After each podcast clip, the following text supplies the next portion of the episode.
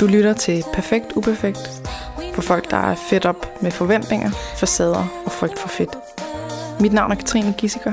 Velkommen til.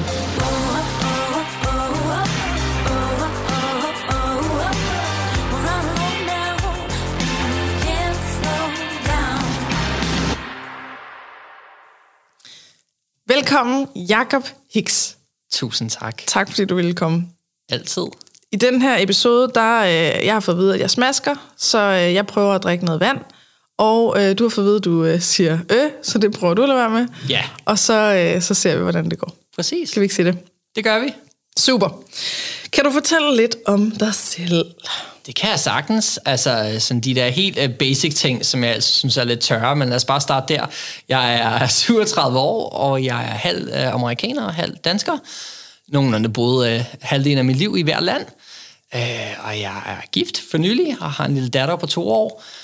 Og øh, har lavet sådan mange forskellige ting, men sådan øh, i løbet af de sidste sådan 5-10 år i mit liv, så har det ligget meget inden for sådan noget øh, personlig udvikling og undervisning og øh, ja, sådan nogle ting. Og så er jeg jo så blevet bidt af hele det her podcastverden. Øh, så det er jo meget der min fokus er nu. Jeg har min egen podcast, som hedder En Venlig Sind, og så øh, skal jeg faktisk til at, at lave en øh, produktionsselskab, hvor jeg også skal lave øh, podcast for andre mennesker.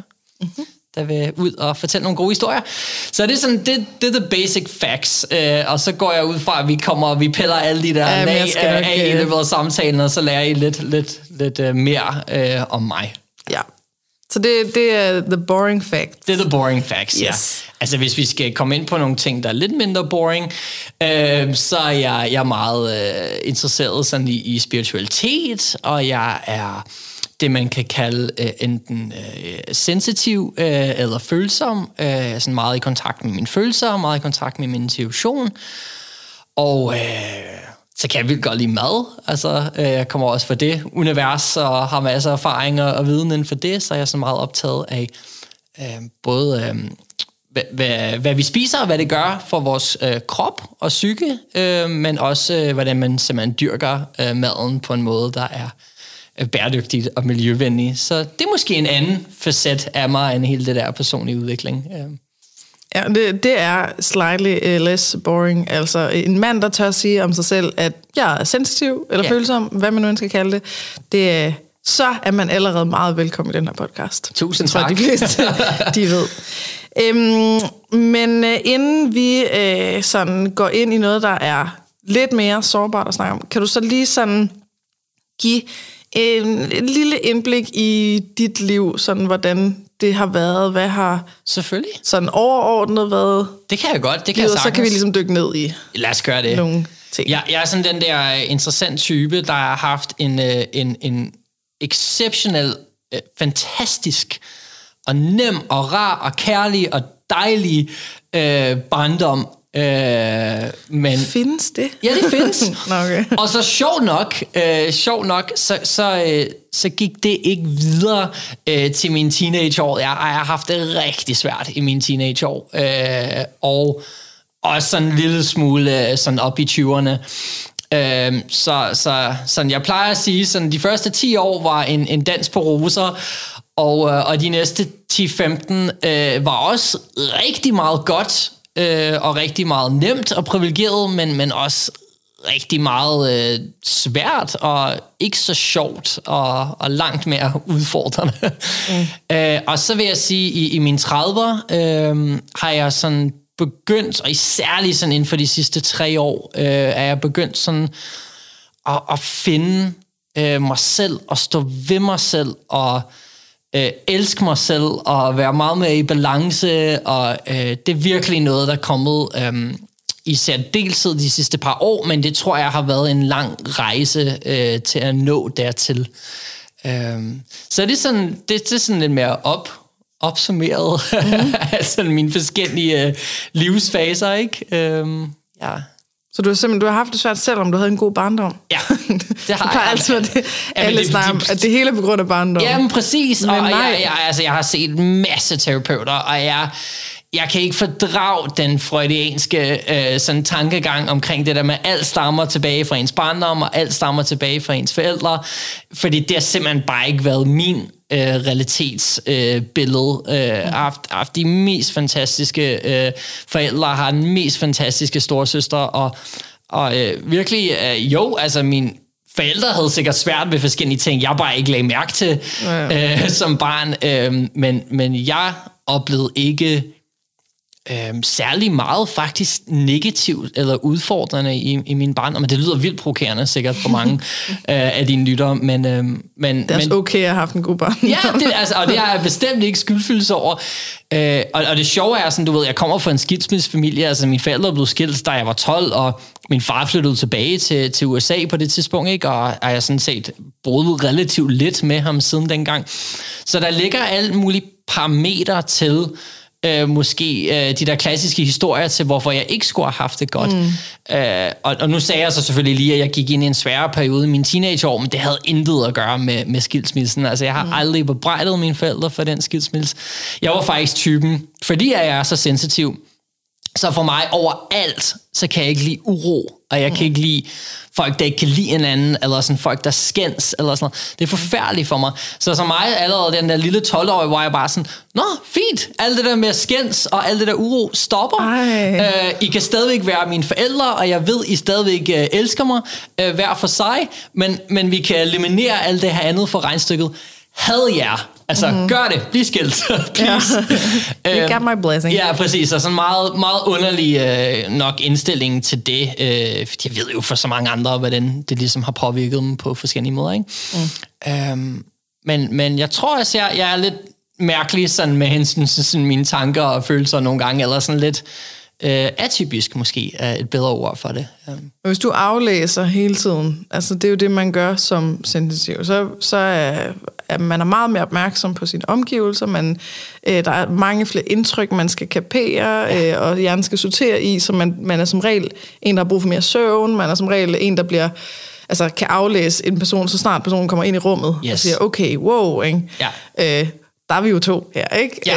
som er på godt og ondt, ikke? Men øh, hvis du så oplever, at du hele tiden kan mærke, ja. uha, og uh, nu er der et eller andet i den der, det der toneleje, hun bruger, eller der er noget i det, han gør, eller sådan, så er det klart, det er en kæmpe lettelse, hvis det, skal, altså hvis det stopper.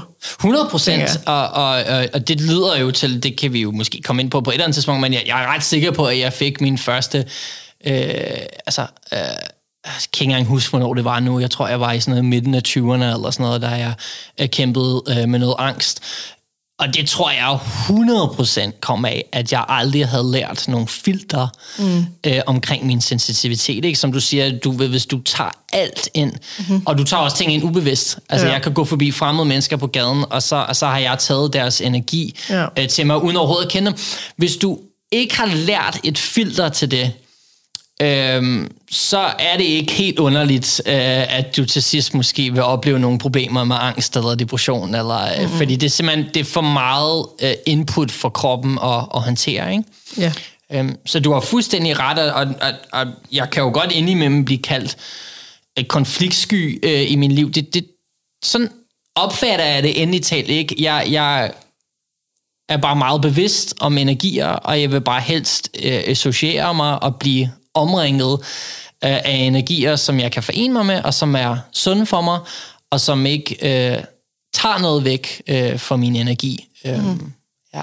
Det er jo sådan den der klassiske, ikke? man nogle gange hører sådan det der med sådan, skal man fortsætte med en bestemt relation i sit liv, ikke? Og så er der jo den der lommebrogs øh, psykologi, øh, filosofi omkring sådan, jamen øh, når du er sammen med personen, giver det dig mere energi, eller tager de mere energi? Det, ja. og, det, og det synes jeg er en fantastisk øh, sådan målpil, ikke? Mm. Øhm, og at alt det andet livet. så bliver lige meget. Altså det der, nej, vi har jo kendt hinanden i 20 ja. år. Ja, ja, men hvis du, altså, hvis du hver gang, du har set personen, er fuldstændig smadret, Præcis. og blevet dårlig humør, og altså sådan... Og selvfølgelig skal der være plads til, folk er øh, dem, de er, og alle mennesker går igennem ja, livskriser, perioder, ja. og, og hvis man er en god ven, så skal man selvfølgelig kunne håndtere de livskriser. Men, men jeg tror godt, alle ved, hvad vi snakker om lige ja. nu. Altså sådan, er, det, er det det der hver gang, at man ses, at du mm. er drænet, eller måske 75 procent af tiden, mm. øhm, så kan det godt være, at der er noget, man skal rode op i der ja, i sit liv. Ja.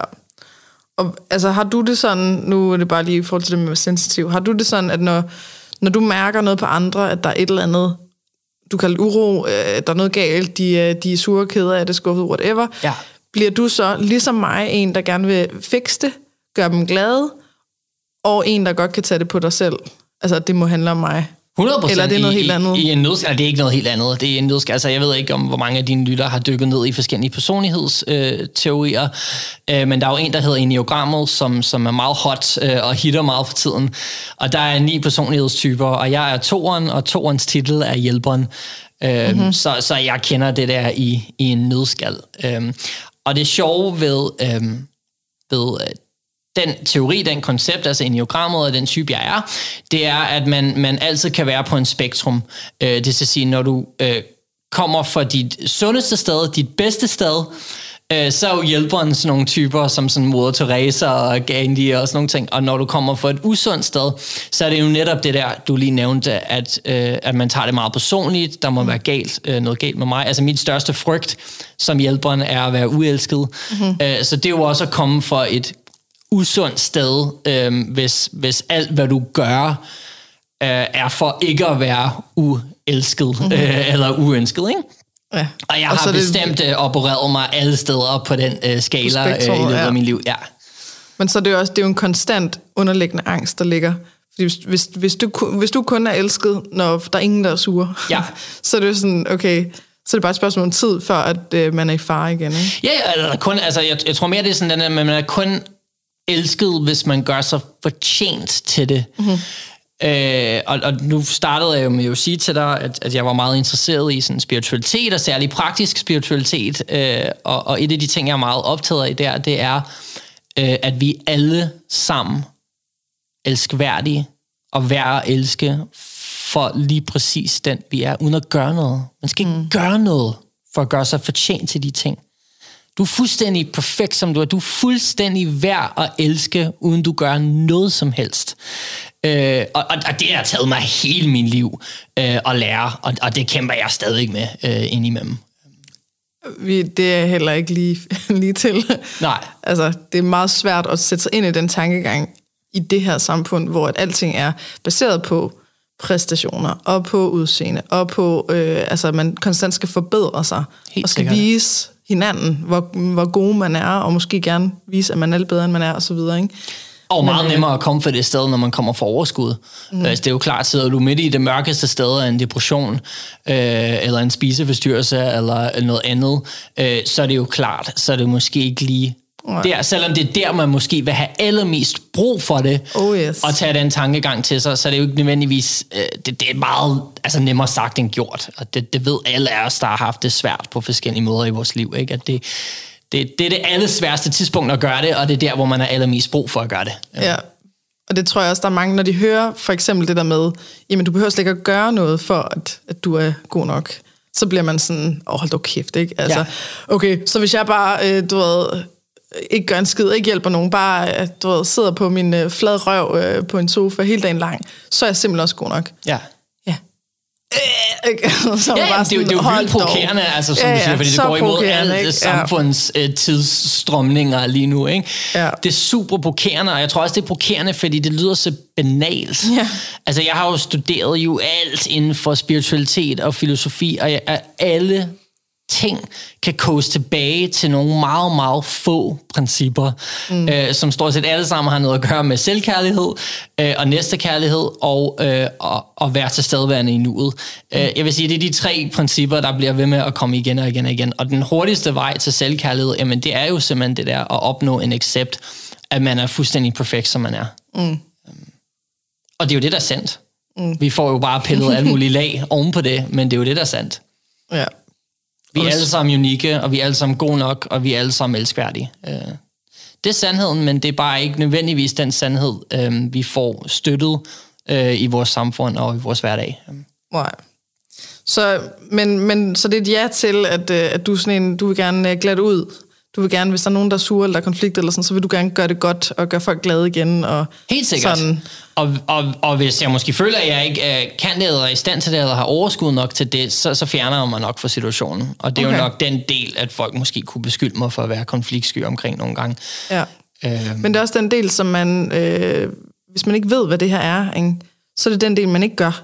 Ja, Altså, at, det er, at man ved måske ikke, at man godt kan fjerne sig, eller at, man, øh, at, man, at der er metoder at udvikle til at filtrere det her. Ikke? helt sikkert. Eller, at filtrere det, man kan også sige det der med, jamen hvis jeg begynder at opdage, at hov, nu begynder alt at handle om, at nu skal jeg gøre det her menneske glad, fordi der er et eller andet, jeg aflæser, at man så kan lade være med at handle på det. Ikke? Mm. Og jeg kommer lige, du ved, jeg sidder her i, i badminton-tøj, jeg har lige spillet badminton, og der var en af dem, som jeg- jeg bare kunne mærke på, selvom hun stod på den anden side af nettet, ikke? At, at når vi spillede, så kunne jeg bare mærke, at hun var i dårlig humør.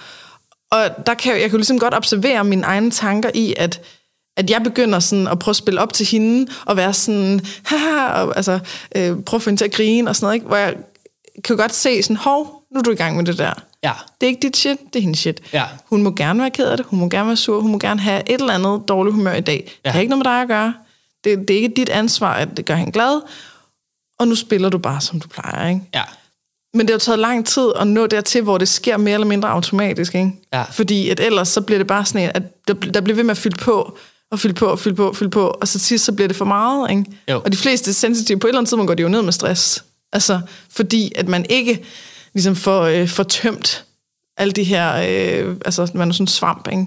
Bare sure til sig, at man ikke rigtig får, får tingene ud igen. Så ja. bærer man rundt på det. Og når man aflæser alt, så, øh, altså, det der med at holde foredrag, ikke? Jeg ved, der er mange, der, når de kommer til et foredrag, så tænker de ikke over, at foredragsholderen kan se dem.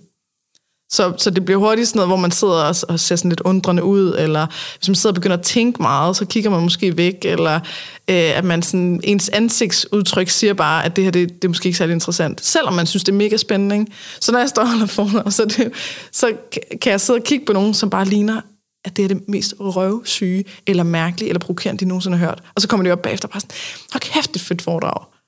Og så sådan, hvad? Ikke? Altså, jeg var sikker på, at jeg kunne, da, jeg kunne da se på dig, at du havde det på en anden måde. Så jeg begyndte at sådan sige det højt, ikke? og sige, prøv at jeg kan altså aflæse jer alle sammen.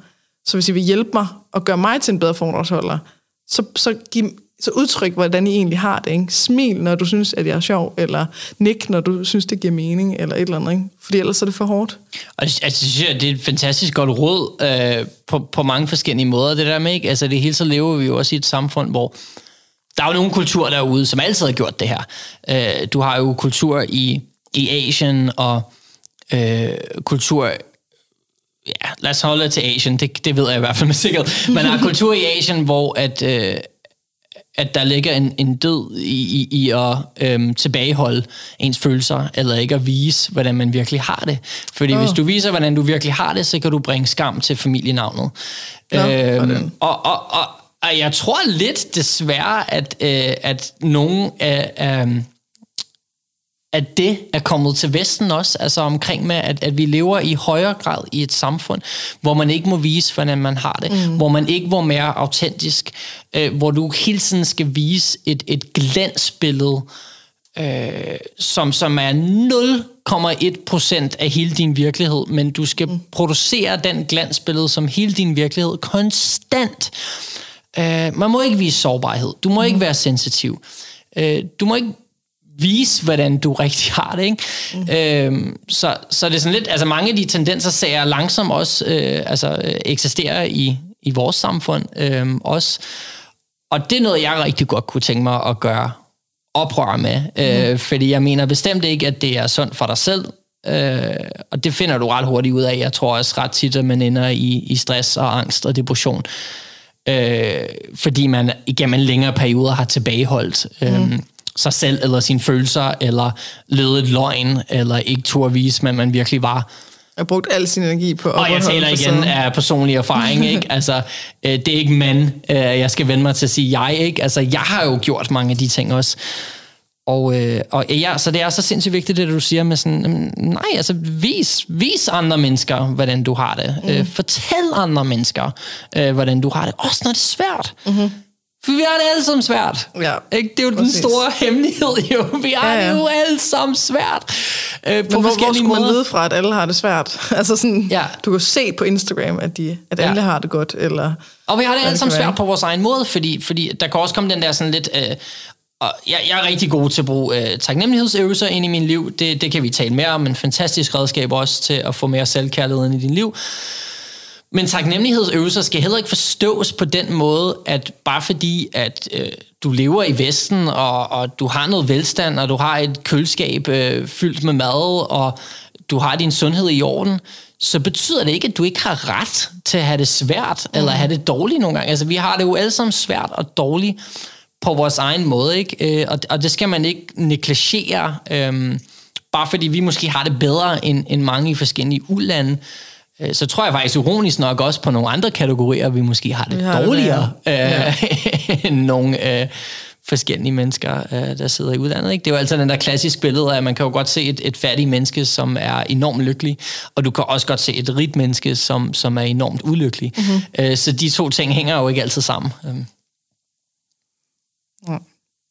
Og det, der er jo mange, der altså, ligesom føler ekstra, ekstra ubehagelige følelser, altså ekstra skam over, at man har det svært, fordi det burde jeg jo ikke. Der er jo andre, der har det værre. Ikke? Mm, præcis. Og det, er jo, øh, det, det gør jo ikke noget bedre. Altså, det gør hverken, at andre får det bedre, eller du selv får ja. det bedre.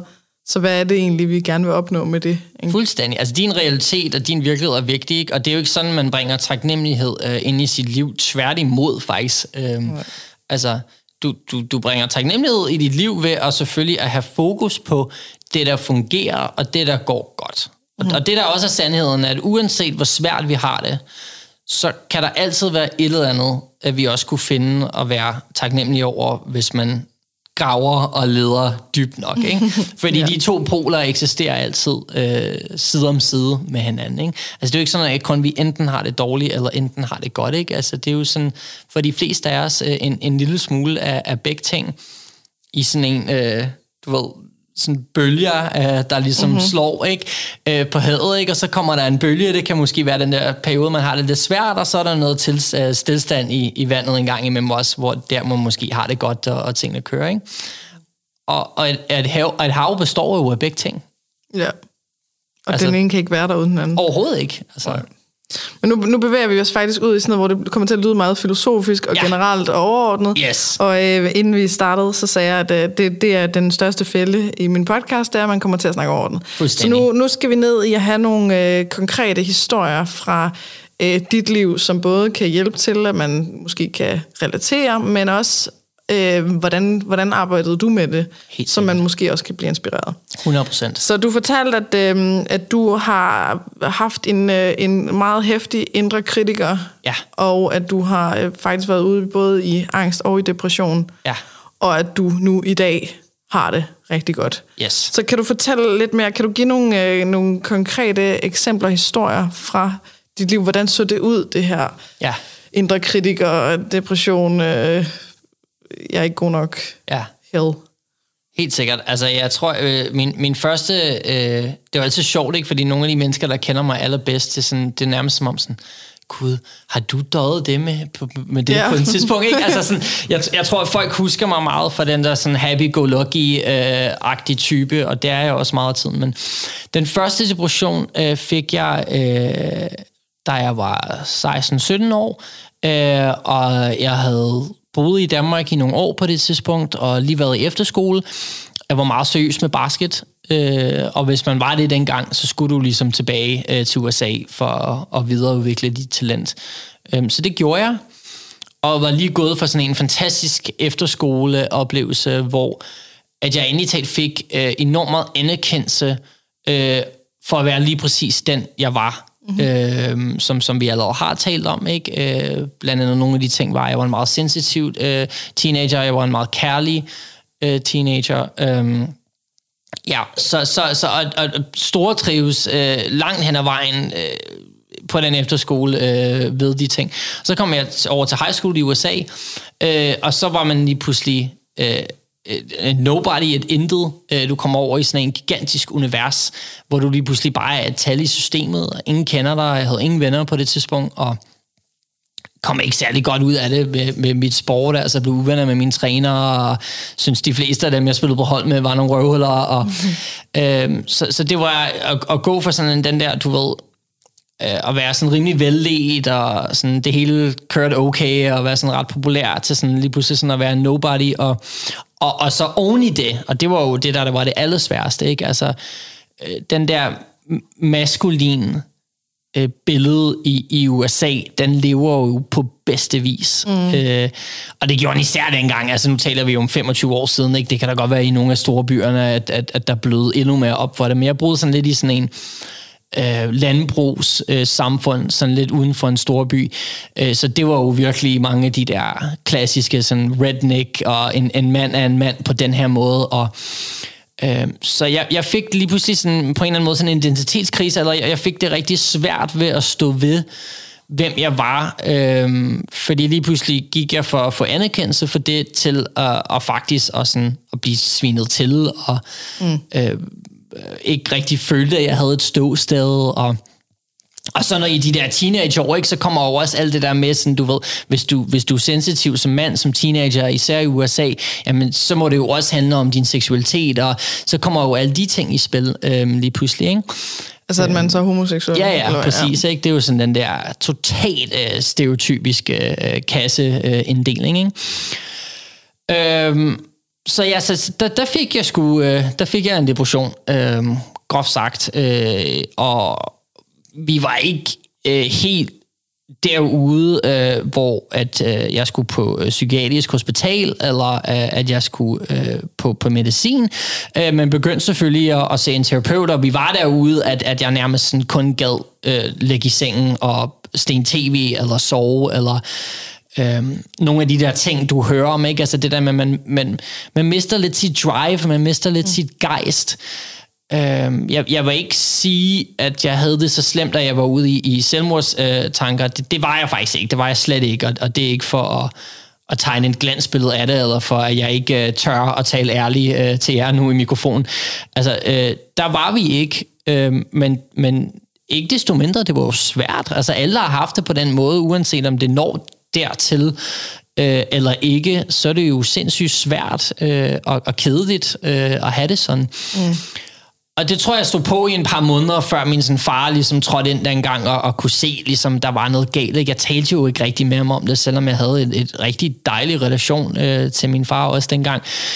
Så tror jeg bare lidt, at han kunne se, øh, at, at der var noget galt, og begyndte så at se en terapeut, og det hjalp lidt på det, men for at være helt ærlig, det jeg tror faktisk hjalp allermest på det, det er en sted for at, at prøve at jagte et billede af maskulinitet, jeg slet ikke hørte hjemme i. Mm øh, så gav jeg bare lidt op med den. Øh, og så begyndte tingene faktisk at fungere meget godt. Altså, jeg fik jo primært kun øh, kvindelige venner. Øh, du ved, jeg blev venner med de der meget øh, kunstnerisk, meget ekscentrisk øh, typer, fordi det var lige pludselig det univers igen, øh, at jeg følte, at jeg kunne blive øh, accepteret i. Så det var i virkeligheden det, der hjalp bedre end stadig, at, at jeg sagde, øh, øh, jeg kan ikke jeg kan ikke forsøge at være en, jeg ikke er. Mm. Øhm, og så blød, altså det er nok sammen med terapi, ikke? Det har jeg mange forskellige meninger om, øh, men, men øh, det er nok de to ting sammen, der ligesom gjorde, at ja, hvad brugte jeg måske en, en 3-4 3-4 måneder måske nok i den depression, øh, og så var jeg ikke sådan helt videre, men jeg havde det væsentligt bedre, ikke? Jeg var begyndt lidt at, at få gejsten tilbage, og, og motivationen tilbage, og øh, ja, men det er, det er jo helt sindssygt at kunne det som 17-årig, at man står og siger, okay, nu er den, den verden, jeg er kommet over i, de har et ideal, som jeg ikke kan matche. Ja. De fleste, de vil jo gå i den retning, der siger, men det skal jeg. Ja.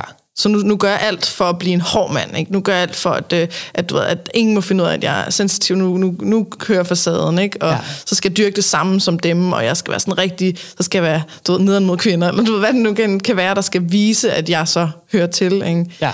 Men at du rent faktisk sagde, okay, men så, så giver slip på den del, og så finder jeg nogle andre, hvor jeg rent faktisk må være mig selv. Ikke? Jamen, nu skal det er jo helt vildt at kunne det. Ja, men tak, men, men, men, men inden jeg tager alt for meget tak, øh, så skal det jo lige siges, at den tematisering, jeg lige har fremstillet der, det er jo noget, jeg har kæmpet med hele min liv af mm-hmm. til. Så det er jo ikke en, øh, det er jo en gåde, at jeg har kunne parkere eller løse i perioder, øh, men det skal bestemt ikke forstås som om, at allerede som 17-årig havde jeg knækket den kode, fordi det var mm. en tema, der vendte tilbage til mig mange gange. Mm øh, det der med at igen, hvis vi skal gå tilbage til den der personlighedstype, der hedder hjælperen. Hjælperens ekstrem behov er også at passe ind. Mm. Øh, så det har jo været en overordnet tema i hele mit liv, ikke? at jeg har jo gået til det ekstreme, øh, og gået til grader, som jeg er blevet syg af, mm. øh, for at passe mig ind. Øhm, og det har altså været en, en tilbagevendende tema lige indtil for, ja, øh, tre, fire år siden, ikke? Mm-hmm. Øh, ej, måske lidt, ja, sådan deromkring, ikke? Øh, mødte min kone for 5-6 år siden, og, og derfra begyndte det at bare at gå øh, virkelig, virkelig meget bedre med alle de her problematikker. Øh, så ja, så det er sådan noget, jeg har kæmpet med hele livet, vil jeg gerne lige hilse at sige over for lytterne. Øh. Du, ja, det er jo... Men du har da i hvert fald på en eller anden måde tænkt det. Eller gået efter det, eller prøvet ja, det. måske eller... har jeg ikke engang tænkt det dengang, fordi det tror jeg måske ikke, man er i stand til som 17-årig. Jeg tror bare, måske, måske prøvede jeg bare noget andet. Altså, mm. nogle gange er det, jo, det er jo den der klassisk, sådan, du ved, øh, jeg kan ikke huske, om det var Einstein eller hvem der har sagt det, men sådan, du ved, hvis du bliver ved med at gøre det samme, men forventer en ny resultat. Det er, det er jo definitionen. Sindssygt. Præcis, ikke? ja. og, og, det tror jeg alle sammen, vi kender, fordi det handler om vores, vores ego. Vores ego kan rigtig godt lide status quo. Øhm, så det er vi jo alle sammen verdensmester i, at blive ved med at gøre det samme og forvente en anden resultat. Øhm, så jeg tror mere, det måske det var sådan lidt den der, okay, sådan, det der, jeg startede med at gøre, det fungerede jo tydeligvis ikke, fordi det blev jeg deprimeret af. Lad mig prøve noget andet. Mm-hmm. Lad mig prøve at hænge ud med nogle andre mennesker. Lad mig prøve et eller andet, ryst posen, mm-hmm. øh, se hvad det gør. Øhm, så jeg tror, det var meget mere ubevidst end en bevidst valg, end en 17-årig dreng tog. Øh. Ja. Okay.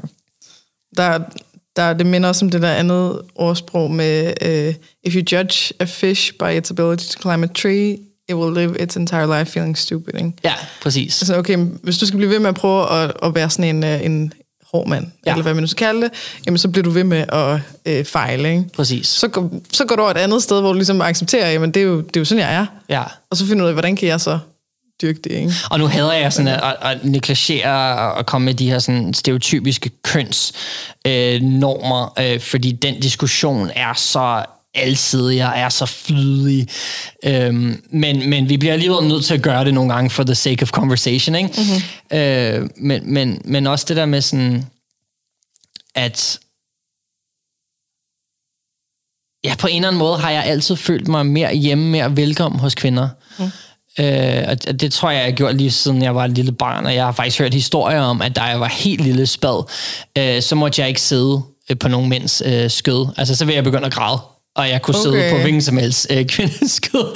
Det okay. ved jeg ikke, om jeg skal tro på, øh, andet end selvfølgelig min far, ikke? Men, øh, så så jeg, jeg tror, øh, det var noget, jeg blev mere bevidst om, selvfølgelig som årene gik, ikke? men til at starte med, tror jeg, det var helt ubevidst, at jeg bare følte mig mere hjemme, mere komfortabel. Det var det samme, jeg kan altid huske i folkeskolen. Bare sådan, hvis vi skulle lave projektarbejde, gruppearbejde, mm.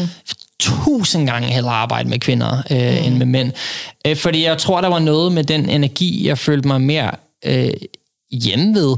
Det betyder slet ikke, at jeg ikke også besidder nogle af de stereotypiske øh, maskuline øh, energier, men, men, men ja, jeg tror bare lidt, det var et, øh, et sted, jeg følte mig mere hjemme mm. øh, på en eller anden måde. Og, og det har egentlig talt følt med mig det meste af mit liv. Altså, som jeg nogle gange, jeg forstår ikke min køn. Øh, og det er jo ikke fordi, at jeg ser ned på min køn, og det er ikke fordi, at jeg ikke repræsenterer den, og at jeg ikke er lige så stereotypisk mand, sikkert på nogle punkter, øh, som mange andre. Øh, men, men jeg har bare aldrig rigtig sådan jeg følte mig hjemme i de der stereotypiske normer øh, af maskulinitet. Okay, så, øh, så øh, det var første nedtur, ja. eller hvad man skal kalde det. Ja. Og hvad skal vi spole frem til noget øh, en ny eller? Ja, det kan vi, vi godt. Øh, det var nok den øh, ja, lad os, lad os prøve frem til angst, fordi det var meget øh, det var meget virkeligt og det var meget udfordrende, men på på en helt anden måde. Øh, og det tror jeg jeg fik der i midten af 20'erne, og der har vi jo allerede lidt været inde på, øh, men men det hang jo nok sammen med min sensitivitet og at jeg på det tidspunkt i min liv simpelthen ikke havde lært at, at bygge nogle filtre op. Der er aldrig nogen, der havde givet mig nogle redskaber til at beskytte mig selv. Øhm, så jeg, jeg tog alt energi ind, øh, og, og det bliver du simpelthen... Øh, altså skør af. det, det gør man simpelthen. Det er overbelastning af systemet. Det er en overbelastning af nervesystemet. Ja. Øhm, og angsten, vil jeg sige, var væsentligt mere skræmmende i min depression. Fordi jeg tror sådan, de fleste mennesker kan forholde sig på en eller anden måde til depression. Mm. Øh, men, men lige så snart vi begynder at ryge bare over i angst, som er et enormt udbredt øh, tilstand øh, og diagnoser også, men jeg tror alligevel bare... Og er også en grundfølelse, ja, som alle grund, har. Præcis, ikke? en grundfølelse, ja. som alle har. Ja, altså angst er jo ikke et problem i sig selv, øh, medmindre man ikke har, har lært at, kan man sige, at forstå den eller den, ja. håndtere den. Ja. Øh, det, tak fordi du kom med den pointe. Um, men ja, den var, den var meget mere intens, den var meget mere virkeligt, og det begyndte jeg at opleve med, at jeg simpelthen lige pludselig begyndte at få angstanfald. Øh, og det kom nærmest øh, ud i det blå. Øh, og øh, og for nogen, der har prøvet at få en, en angstanfald, at det er jo så absurd, det er, hvis du snakker med en læge, så siger de, jamen prøv at høre, du kan ikke dø af en angstanfald. Og det er jo fuldstændig rigtigt. Det tror jeg ikke, der er nogen i verdenshistorien, Ja, ja. der har. Men det er den rationelle Men det er den rationelle. del af fordi vi snakker når, til. Præcis, ikke? når du sidder midt Når man i er det, i det, så, så, føler så er man i gang med at dø. Så er Altså, du i gang med at dø. Fuldstændig. det er fuldstændig ligegyldigt, hvad folk siger, eller hvad man ved. vildt. og sådan Altså, du er i gang med at få et hjerteslag, eller du er i Ja. gang med at, at, at føle, at du vil er blive kvalt. Eller, ja det er så virkeligt, og det er så skræmmende. Øhm, og, øh, og ja, så jeg begyndte lige pludselig sådan bare ud i det blå at få de her angstanfald. Øhm, og så begyndte jeg sådan at, at, at, at regne rundt og nærmest at være sådan kronisk øh, svimmel.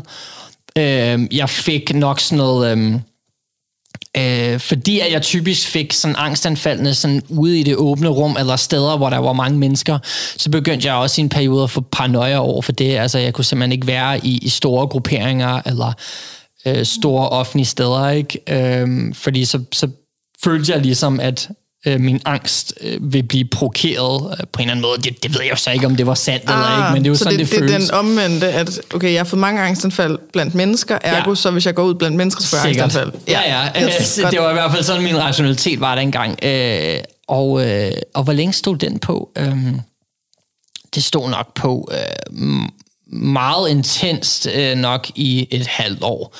Og jeg tror i hvert fald, der gik et, et år før, at det begyndte at komme øh, sådan, sådan mindre og mindre, ikke? og det begyndte sådan at blive mere og mere hverdag. Øhm, jeg kan ikke huske præcis, hvor gammel jeg var, men lad os sige et eller andet sted midt i 20'erne, det tror jeg passer meget godt. Øhm, mm. Og det gik jeg jo så igen i terapi, øh, og der stødte jeg på nogle nye terapiformer, som jeg synes giver lidt mere mening for mig. Øh, du ved, der er sådan noget, der hedder ACT, og der var også noget, nu kan jeg ikke huske, hvad det hedder, men det er sådan en øh, form for terapi, som faktisk sådan låner på mange af de buddhistiske tankegange. Øhm, så jeg begyndte at støde på nogle ting, jeg synes gav lidt mere mening for mig. Plus at det var der, hvor jeg virkelig sådan begyndte at dykke ned i sådan nogle af de her praktiske øh, spiritualitetsting. Altså, yoga var min redning dengang. Øh, jeg blev hardcore yogi. Altså, jeg var nede i centret to-tre timer i døgnet øh, og dyrkte i denne angstperiode, fordi øh, det følte jeg var min frirum. Altså, når jeg var i gang med yoga, eller jeg var i gang med at meditere, så var jeg væk fra det her angst-univers. Øh, og når jeg ikke var i gang i en af de to ting, så følte jeg bogstaveligt talt, at det kunne happen any second. Øh, så man gik rundt med den der konstant angst Angsten over, hvornår angsten. det næste angstanfald Ja. vil komme. Ikke?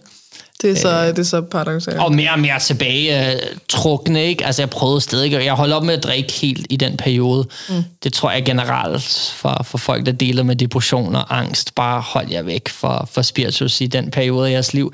For jeg tror mm. ikke, de to ting hænger godt sammen. Um, og det blev også svært, fordi så blev man jo mere og mere socialt udstødt. Ja. Altså, alkohol er jo så stort en del af vores kultur i Danmark, øh, at... at øh, at, at folk kunne simpelthen ikke forstå, jamen, du er jo ude, du er jo sammen med os, du er jo til den her fest. Hvorfor drikker du ikke? Sådan, hvad, hvad er der galt med dig? Har Hvad du der en galt med sygdom? dig? Ja.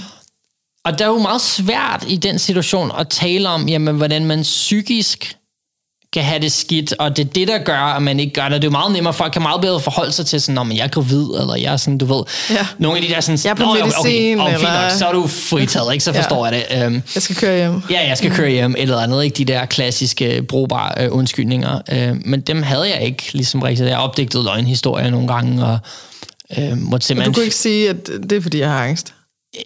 ikke rigtigt... Jeg kunne godt sige det, men jeg kunne ikke sige det på en måde, hvor jeg følte, at folk virkelig forstod, hvad det betød. Um, så du bliver meget indadvendt i den periode, og du isolerer dig meget, og øh, altså jeg vil ikke sige, at jeg gik så langt til at holde op helt med at gå ud, men jeg gik i hvert fald væsentligt mindre ud, end jeg ellers ville have gjort. Um, ja, jeg ved ikke, altså, det, det, var ikke, øh, det var ikke en sjov periode af, af min liv, og jeg vil sige, at jo, depressionen var, var tung og trist, men det lyder helt absurd der, men for mig var det mere forståeligt, og det var mere håndgribeligt på en eller anden måde, end, end angsten var. Altså angsten føles virkelig som om, der var en eller anden, du ved, øh, monster, som overtager dig, som du mm. har ingen kontrol over overhovedet. Ja. Um, det føles, du, du mister så meget kontrol. Øh, og det er jo det, vi alle sammen er så afhængige af i, i vores samfund. Ikke? Og selvfølgelig mister du også kontrol, når du har en depression. Øh, det, det er der jo rigtig mange, der har gjort 100 procent. Jamen, det er to meget forskellige ting. Men det er to meget altså. forskellige ting. For mig var det ikke at miste kontrol på helt samme måde. Jo, jeg var, jeg var trist, og jeg havde ingen energi og ingen lyst øh, til noget som helst. Men jeg følte ikke, jeg havde mistet kontrol, eller at, ligesom, at noget kunne komme og, og overtage mig og styre mig lige pludselig, som jeg ikke havde kontrol over. Um. Det er sjovt, for jeg har det, jeg har det præcis omvendt. Mm. At jeg kan meget bedre deal med angsten, mm. end med de der depressive perioder. Når jeg begynder at få den der følelse af, at det hele er sgu lidt lige meget. Ja. Og, øh, og det er ligegyldigt, det jeg laver. Og altså sådan, øh, blive det der sådan virkelig jeg skal kalde det dårlig humør, ikke? Altså sådan ja. det der, hvor, hvor jeg virkelig helt sådan ind til benet føler, at det, det er tomt, ja. og det hele er uden mening. Ja. Det skræmmer mig meget mere end angsten, fordi den har jeg lært så godt at kende, ikke? at jeg altså sådan for et par dage siden skulle ud i, øh, altså jeg havde, jeg havde booket mig selv lidt for meget op, og, øh, og sådan, skulle nå for mange ting på en gang. Ikke? Og så skulle mig og min veninde ud i skoven, for at nå at samle øh, græn og alt sådan noget til øh, juledekorationer. Og vi skulle nå det, inden det blev mørkt, fordi ellers kunne vi ikke samle det. Og på en eller anden måde, så, så har min hjerne bare tænkt på det der med, at, at, at nå det, inden det bliver mørkt, som er noget, der er pisfarligt, hvis vi ikke når det. Mm. Altså, at hvis vi ikke når at samle det, inden det bliver mørkt, så, så bryder helvede løs, eller et eller andet, ikke? Så fordi, at det var ved at blive mørkt på vej, da jeg kørte hen til min veninde, så, så, så gik angsten bare i gang, ikke? Mm. Og siger, okay, okay, fuck, fuck, fuck, fuck, Indtil jeg ligesom sådan, okay, hey, hvad, okay, hvad sker der egentlig? Nå, okay, det er angst. Jamen, har jeg angst? Nå, hvad er du bange for? Nå, er du bange for, at vi ikke når ud i skoven, inden det bliver mørkt? Okay, mm. hvad er det egentlig, der sker? Jamen, altså, så kan du ikke se noget. Nej. Og hvad sker der, hvis vi ikke kan se noget? Så får du ikke lavet de der julekalender. Nej. Og hvad sker der, hvis vi ikke får lavet en fucking juledekoration? Ja. Nå ja. Og så var så mit, den rationelle del, den kunne sagtens forstå det, og så fik jeg ro i hovedet. Men min krop, den var ligesom, nu var den gået i gang, ikke? Så jeg måtte sige til min ja, hey, jeg, jeg har lige i gang med sådan, øh, der er lige øh, mini-angst, den falder i gang her, ikke? Øh, det skal nok gå over, vi skal bare lige ud og gå en tur, du ved, ud i skoven, ikke? Så skal det nok... Men så lad os tale om krop og hoved, synes ja. jeg, og, og hvilken type man er, fordi det tror jeg kan forklare lytterne meget godt øh, til, til øh, hvorfor jeg havde det på den måde, jeg, jeg havde det. Altså, øh, jeg har altid opereret enormt meget op i mit hoved.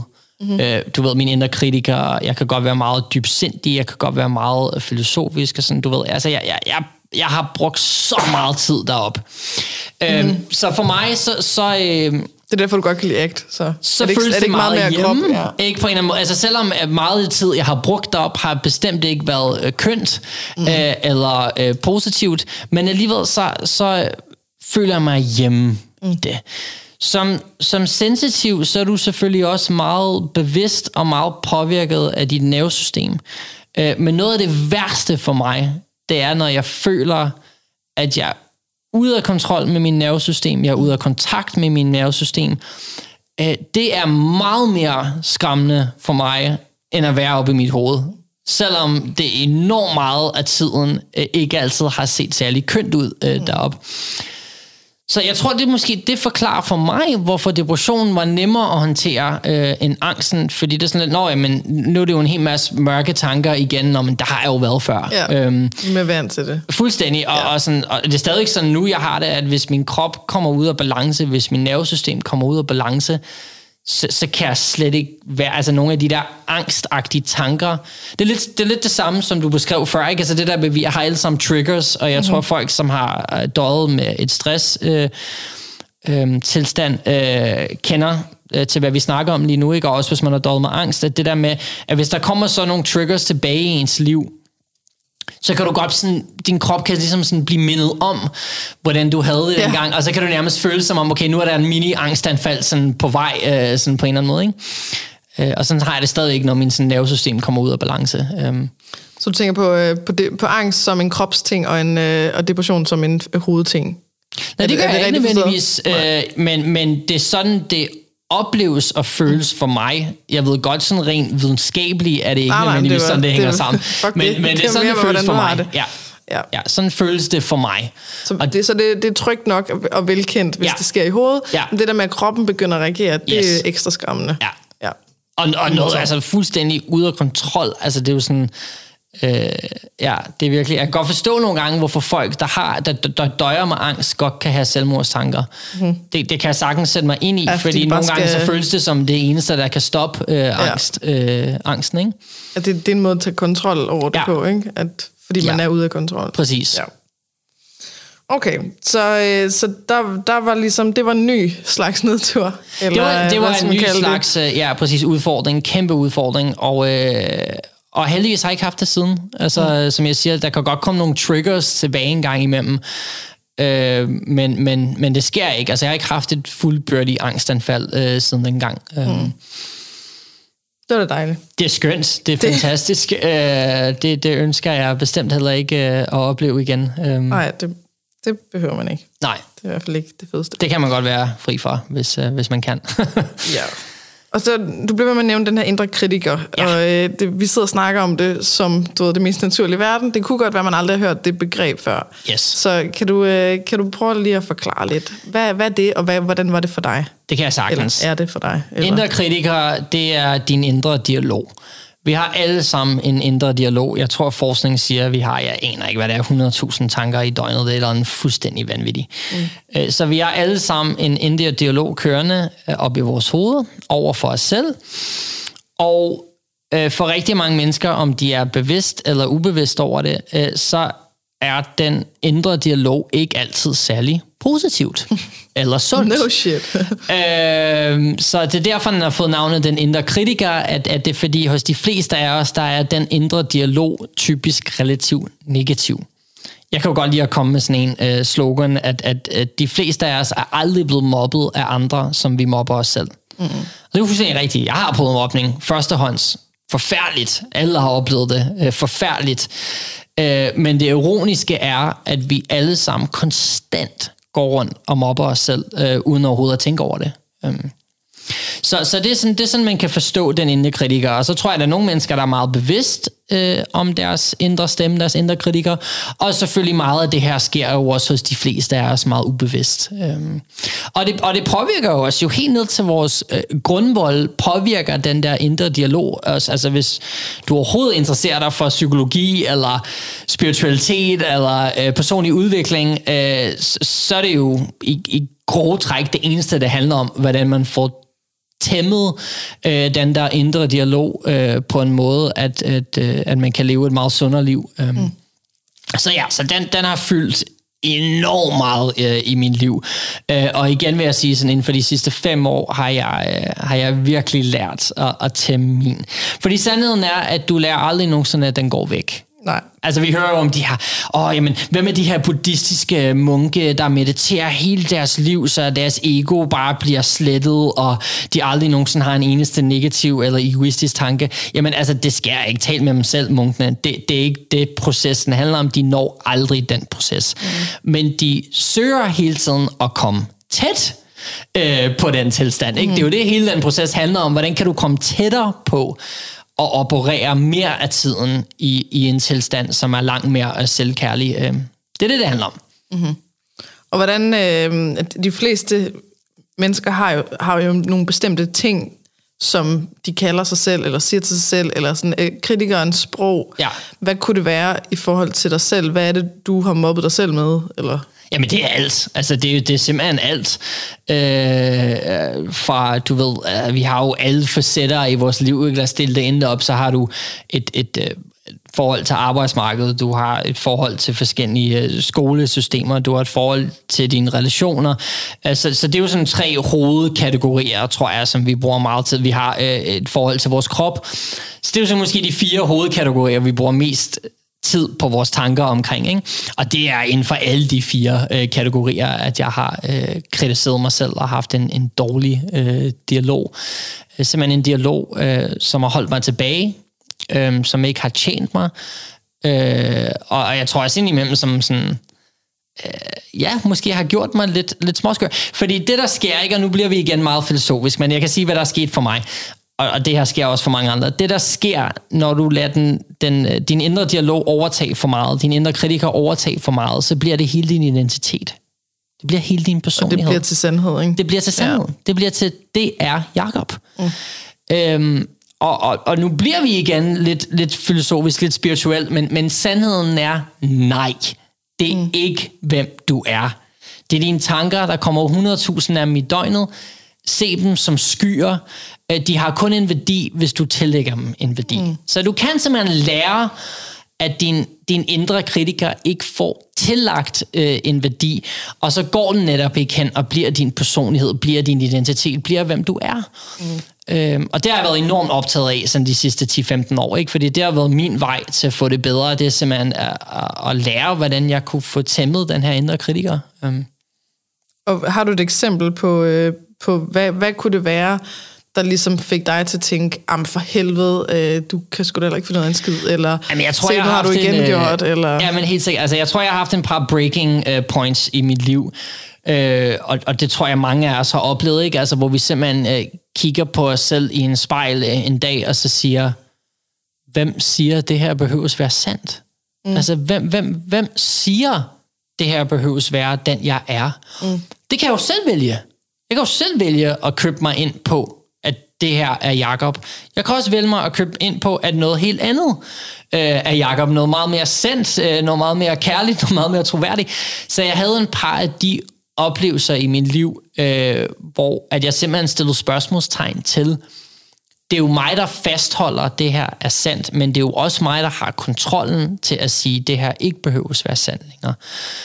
Men hvad, hvad var det, der ikke behøvede at være sandt? Altså var det, at du var øh, svag, eller var det, ja, at du det var, var... Altså, øh, ja, jeg, jeg komme med konkrete eksempler, har du bedt om. Eller? Altså, det kan for eksempel være, jeg har altid været ret perfektionistisk øh, i, i skolen, eller til at starte med var jeg fuldstændig ligeglad med skolen, men da jeg sådan begyndte at komme i, sådan, i nogle af gymnasierækkerne, så begyndte jeg at interessere mig væsentligt meget øh, for skolen og, og for karakterer, og, og det gjorde jeg også hele vejen op igennem øh, Unix. Det kunne være et eksempel, øh, det kunne også være sådan... Og så var øh, du dum, hvis du ikke Ja, eller altså, eller hvor intet var godt nok. Jeg har sådan en perfekt eksempel. Okay, et af mine åbenbaringer, for at komme med sådan en meget konkret historie, det var, at, øh, at alle, der har øh, gået på universitetet øh, gennem kandidatniveau, øh, har prøvet at skulle skrive en special. Og jeg tror, at specialskrivningsprocesset er det, det mest øh, stressende, øh, en person i 20'erne kommer til at prøve i deres liv, hvis de går den akademiske vej. Øhm, og, og der oplevede jeg bare, at jeg lagde en hel masse stress, jeg lagde en hel masse energi i den her proces ind så øh, ud med at få et 12-tal, og jeg kan tydeligt huske, lige efter jeg havde fået min vurdering, der sad jeg med en følelse af tomhed. Mm. Der sad jeg med en følelse, so what? Mm. Der sad jeg med den der følelse, hvorfor stressede du, eller spildte du så meget energi på det her? Eller hvorfor blev du ikke færdig hurtigere? Mm. Eller hvorfor betyder det her 12-tal ikke mere? Det er jo sådan et klassisk eksempel af den indre kritiker, er, at så ofte så oplever vi en tomhed øh, på de der resultater, vi søger, fordi det er aldrig godt nok. Du nævnte det jo selv, ikke? Det er jo vildt provokerende over for lytterne, og jeg har altid hørt, at man aldrig skal sige det her. Men inden mig og Katrine tændte øh, mikrofonen, så talte vi jo lidt om, om sådan at træne og sådan nogle ting. Ikke? Og det er jo sådan et klassisk eksempel inden for den verden der, ikke? At, at, at det er jo aldrig godt nok. Så har du tabt en kilo, om det er jo ikke godt nok, jeg skulle tabe tre. Og så taber du tre, om det er jo ikke godt nok, jeg skulle have tabt syv. Mm-hmm. Og sådan har min indre dialog på så mange forskellige kategorier kørt altid. Øhm, jeg kan huske en anden eksempel er, at, at sådan gennem mine 20'er og sådan noget, blev jeg sådan meget konkurrerende over for mig selv, øh, og, og, og sådan set også i vores vennegruppe, øh, som det jo nu gør, når man er ung, øh, handler det jo meget om at skabe relationer, og du ved, øh, få, få kærester, eller sådan, og, mm. og udleve sit øh, kan man sige, øh, fysiske og emotionelle behov på forskellige måder. Og, og, og der blev jeg til sidst sådan enormt konkurrerende sådan over for mig selv. Altså min indre kritiker tog fuldstændig over. Det er bare sådan, hvorfor kunne du ikke få den der kvinde til at være kærester med dig? Eller øh, du ved, øh, hvorfor kunne du ikke øh, score hende der, du flirtede med hele aftenen? Eller sådan noget og altså, den kunne blive så grim, at jeg simpelthen kunne øh, blive deprimeret sådan i flere dage øh, af den. Ikke? Så det er jo en anden sådan meget konkret øh, sådan eksempel til, sådan, hvorfor min, øh, eller hvordan min indre kritiker øh, har fyldt. Og så en helt tredje eksempel, synes jeg, som, som leder mig lidt til, hvor jeg er henne i mit liv nu, det er, at jeg har jo altid kunne tænke mig at udleve alle mulige forskellige projekter. Jeg har jo altid tænkt mig at kunne øh, prøve at være selvstændig og du ved, leve af, af mit eget hjertebarn. Ikke? Og jeg har simpelthen aldrig haft mod til det, fordi min indre kritiker har været så kraftig, så stærk omkring, øh, at det kan du ikke. Mm. Du er ikke god nok til det. Du kan ikke nok til det. Øh, du har ikke det økonomiske fundament til det. Øh, du ved, prøv at se, hvor hårdt det er. Prøv at se, hvor hårdt det er for alle andre. Hvad bilder du dig selv ind, at du er bedre end alle andre, der har forsøgt at gøre det? Det er sådan, min dialog har været mm. omkring øh, hver eneste gang, jeg har prøvet at, at sætte noget øh, frem i verden, som var mit eget, og og som kunne blive til min livbrød. Ikke? Øh, og, og der havde jeg også en oplevelse sådan for cirka sådan, ja, altså en par år siden, men i særdeleshed for sådan ni måneder siden, hvor jeg bare sådan, jeg, jeg, jeg kan ikke leve med det her længere. Altså, jeg kan simpelthen ikke, jeg kan ikke længere kigge mig selv i spejlet og leve øh, med den sådan kajon-del af mig, fordi det var sådan, det føles, ikke? Altså, det var sådan, det føles, at, at, at jeg var en kajon, og at jeg ligesom lader mine, mine tanker, mine, mine kritikere styre, hvordan min liv skulle udforme sig. Um, Mener du kujon? Ja, kujon, ja. Undskyld, ja. Det kan ikke noget. Jeg er jo tosproget, ikke? Jeg skal bare, så jeg, ja, ja. jeg er jo lidt dum. Jeg synes, det, er, det, det, er så, det er så hyggeligt, når, ja. når der kommer et eller andet. Ja, så det var også sådan en, ja. sådan en åbenbaringsagtig sådan oplevelse for mig, hvor jeg bare sådan, jamen, og jeg har hørt andre sige det så slemt som at sige, hvis det sådan er, det skal være, så ønsker jeg simpelthen ikke at fortsætte. Øh, altså det er dog andre, der har gået til den ekstrem. Øh, så, så langt var jeg ikke ude, men jeg var nok derude til sådan, jeg, jeg kan ikke, øh, jeg, jeg kan ikke stå ved den, jeg er øh, længere, øh, hvis jeg ikke tør at prøve det her. Ja. Og det har så gjort nu, at... at nu er du simpelthen i gang med at... Jeg er i gang, og jeg, jeg er selvstændig, jeg lever af af mine passioner, og eller jeg, jeg er i hvert fald i gang med at kunne leve af mine passioner og min kærlighed i den proces, ikke? Men jeg har i hvert fald ikke den der indre kritiker længere, der holder mig tilbage. Nej. Og den og er den stadig ikke på alle mulige er, punkter, men den er bare den er farlig, mindre. fordi at, den, at hvis, man, hvis man prøver, hvis en strategi er, at man så bare gør alting så godt, at ingen nogensinde kan sætte en finger på noget, ja. så er det jo hele tiden, altså det er kun et spørgsmål om tid, så før at det fejler, ikke? Så siger, okay, men det er fint nok, du bliver selvstændig, så længe du bare sørger for, at, øh, at alt, hvad du laver, det bliver bare virkelig godt taget imod. Ja. Øh, det, det skal være helt perfekt, og så videre. Og der vil altid være nogen, der synes, at det er noget lort. Der er altid nogen, der kritiserer. Der er altid nogen, der sidder og synes, at det er øh, helt okay at påpege alle andres fejl. Mm-hmm.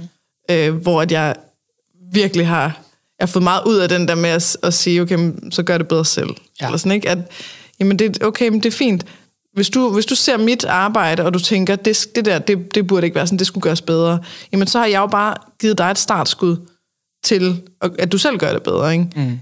At, at det er så nemt at sidde der og være, altså, kritisere øh, udefra. 100 procent, og, og det man bare også oplever, altså den største åbenbaring, jeg overhovedet har fået i den her proces, det er, at det er så meget mere farligt, det er så meget mere frygtindbydende, dine tanker omkring ja. noget, end at kaste dig ud i det. Ja. Så meget mere. Og for dem, der har prøvet at ture at kaste sig ud i det, er jeg sikker på, at de alle sammen kan ikke genkende til det her, jeg siger lige nu. Ikke? Jeps. Jeg mistede desværre min mor for, for tre år siden øh, gennem sådan en længere øh, sygdomsperiode, og hun endte så med at være på palliativ, som er, for folk, der ikke ved, hvad palliativ er, det er simpelthen en indestation, altså når du er uhelbredelig syg. Hospice, så, Hospice, ja. ja. Øhm, og, øh, og jeg talte meget med de sygeplejersker, øh, der var der, og I har jo sikkert alle sammen øh, hørt den her studie, og der er sikkert mange af jer, der har hørt den her studie, men der, der var sådan noget på hospice, hvor man lavede sådan en lang undersøgelse, hvor man interviewede øh, alle de her mennesker, og spurgte dem om, sådan, hvad har du fortrudt mest i dit liv? Ikke? Og altså, det er alt det, man ikke, ikke er, gjorde. Præcis. Eller? Ja. Svaren er jo overordnet alt det, du ikke gjorde. Hvis du spørger hvilken som helst iværksætter, hvad har de fortrudt mest? Det er ikke alle de firmaer, der er gået konkurs, øh, hvor de har fejlet. Det er alle de projekter, de aldrig kastet sig ud i. Ja. Og, og det er sådan, livet er en lang projekt, og det er jo sådan det, det, det, det er jo alle de ting, vi ikke tør. Det er alt det, vi ikke tør at kaste os ud i, som vi vil sidde tilbage og fortryde. Øh, og ikke alt det, vi prøvede, øh, som ikke lykkes. Mm. Øh. Ja, og vi skal blive...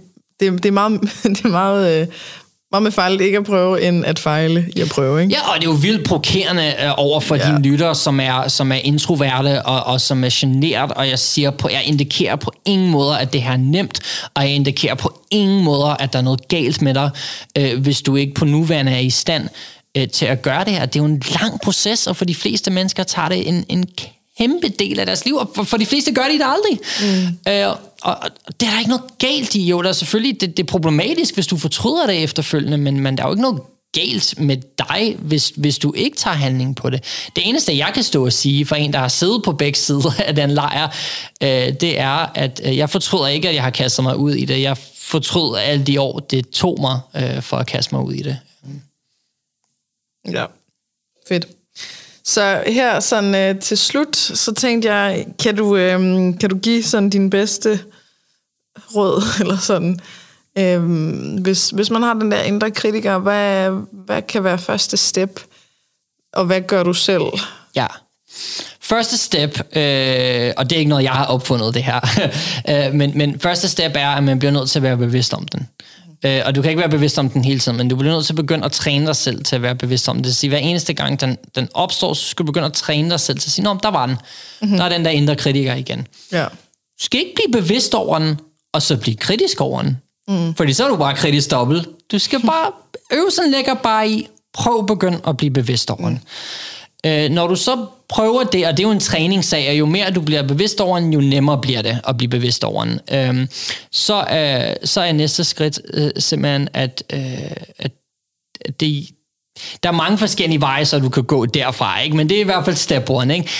Jeg kan bare sige, hvad jeg har fået glæde af. Øhm, jeg har fået vildt meget glæde af øhm, at, at meditere rigtig meget. Øh, fordi det, der sker, når vi mediterer, det er, øh, at, at vi får ro. Vi får ro i vores nervesystem, men vi får også på en eller anden måde ro i, i vores tankesystem. Og vores tankesystem påvirker selvfølgelig vores nervesystem. Ikke? Så det der med, at du kan begynde at træne oftere og oftere, simpelthen bare, at du har nogle pauser i løbet af din dag, hvor i hvert fald, at tankerne får mindre plads. Og når du starter med at meditere, så vil du stadig have 10.000 tanker. Det er der ikke noget galt i. Du gør det ikke forkert. Der er ikke noget galt med dig. Du skal bare blive ved. Bare blive ved med at træne så skal tankerne nok øh, komme mindre og mindre. Øhm, ja, så det, det, det er et rigtig godt råd. Altså, vores, vores nervesystem og vores tankesystem har simpelthen godt af øh, at, at blive bedre til at få nogle pauser. Mm. Øhm, så det hjælper også rigtig meget på en indre kritiker, har jeg fundet ud af. Øhm, og så den tredje ting, øh, det, det, det har lidt mere med selvkærlighed at gøre, og det har lidt mere med alle mulige forskellige sådan, retninger inden for sådan, spiritualitet og, og filosofi at gøre. Men simpelthen nogle af de her ting, vi har snakket om omkring, at man simpelthen når til en eller anden åbenbaring, at det ikke behøves være sandt. Altså den virkelighed, man er gang i lige nu, behøves ikke være sand. Og, og det er nogle gange ikke sværere, end man simpelthen når til den øh, åbenbaring. Og for nogle mennesker kan det være fra den ene dag til den anden, så er hele deres liv transformeret. Og for andre kan den proces være lang. Øh, jeg er nok et eller andet sted imellem. Jeg føler, at jeg har haft en par af de øh, åbenbaringer, som har været øh, ekstremt øh, transformerende for mig.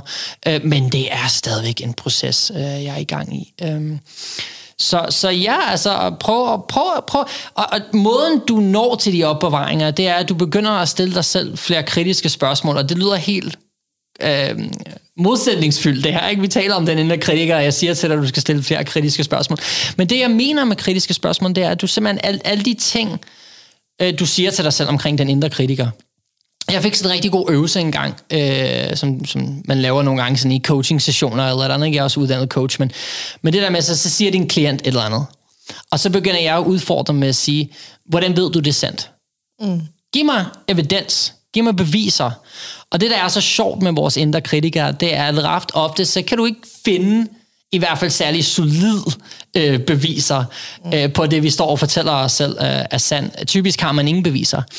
Øhm, så, så ja, at begynde at være kritisk på den måde, altså at stille spørgsmålstegn til de ting, du tænker om dig selv. Mm-hmm. Så man begynder at stille spørgsmål, ligesom hvis der var en anden, der stillede spørgsmålstegn til dig omkring det. Sådan, prøv at forestille dig, det er bare en eller anden udefra, der siger, jamen hvordan ved du det er sandt? Altså simpelthen, at du leger den der Jones advokat øh, over for dig selv. Det gør faktisk, at man nogle gange begynder at opdage, Nå ja, der har jeg faktisk ikke noget evidens for at er sandt. Mm. Øhm, så det er også en super god øvelse. Og det tager, det tager masser af træning og masser af tid, men det, det er et rigtig godt sted at starte, øhm, fordi du simpelthen fanger dig selv i dine egne løgne på en eller anden måde. Mm. Ja. Den indre kritiker kommer fra egoen, og egoen elsker status quo. Så den vil helst ikke have, at du forandrer dig for meget. Nej. Øhm, så ja, så, så jeg vil sige, de tre ting øh, øh, har haft øh, en, en enorm øh, indvirkning øh, på mig øh, omkring at få tæmmet min indre kritiker. Ja, jamen det er hermed givet videre. Jeg kan Fedt. tilføje, at, øh, at man kan prøve at gøre det, som den siger er farligt, for Ja. at teste Ja, øh, sandhedsværdien. Ikke? Kan man sige, Præcis. okay, hvis du, hvis du udgiver det her podcast-afsnit, Ja. så, øh, så, så ender du med, at der er ingen, der kan lide dig. Ja. Okay, men lad os lige prøve det. Præcis. Lad os lige se. Nå, nu har jeg udgivet podcast-afsnit. Okay, men det, kan, du lige, kan du stadig lide mig? Ja, det, nå, okay. Jamen, så, der er i hvert fald stadig en, der kan lide mig. Okay, men så passer den jo ikke, at Ja. ja. nu er der ingen, der kan lide mig. Okay, Nej. ikke? Eller, Jamen, det er hvis du er tager den der pointe. på, jamen så øh, bliver du råbt af på gaden. Okay, men lad os lige se det. Ja. Ja. Lad os lige se, om jeg bliver råbt af. Ikke? Eller hvad den Og det er det, jeg mener med at være kritisk og stille spørgsmålstegn. Altså, som du siger, den bedste måde, du kan gøre det, det er at teste i Det er rent faktisk handle. Ja. ja. Yes. Øh, det er en fantastisk råd også. Ja, ja men øh, det er hermed givet videre, og øh, jeg vil bare sige tusind tak, fordi at du øh, gad at komme herind på en lørdag. Og øh, har du noget, du lige vil sådan, øh, man må gerne reklamere lidt for noget til her til sidst? Jeg vil gerne reklamere for noget, og så vil jeg faktisk gerne give en, en sidste råd sådan med på faldegrebet. Øh, og det er simpelthen, øh, der, der ligger så meget lykke i at tørre at være den, du er, og der ligger så meget ulykke i at prøve at være en, man ikke er. Mm. Øh, det, det, lad os lige uh, hænge på den. Uh, og så vil jeg sige, jeg, jeg, jeg udgiver selv en podcast, hvor, hvor vi taler om mange af de her ting, eller hvor jeg taler om mange af de ting, vi har talt om i dag med andre gæster, og den hedder Et venligt sind. Det kan I bare finde i jeres podcast-afspiller. Og så hold øje, jeg skal til at lave uh, langt flere projekter uh, for andre mennesker ind i, ind i podcast-verdenen, så ud og fortælle nogle, nogle flere gode historier. Um, så hold øje med det uh, også, Jamen, øh, tusind tak. selvfølgelig. Tak fordi at du lyttede med så langt. Som sagt, så hvis du har lyst til at støtte den her podcast, så gå ind på tier.dk, det er titaler.dk, og søg på Perfekt Uperfekt. Der skal du registrere dine betalingsoplysninger en gang, og så kan du vælge for eksempel at give en tier per episode, der udkommer i fremtiden. Der er også et link i beskrivelsen, hvis det er nemmere. Og hvis du gerne vil vide mere om mine foredrag og online foredrag og kognitiv kostvejledning osv., så gå ind på katrinegissiker.dk. Igen, tak fordi du lytter med.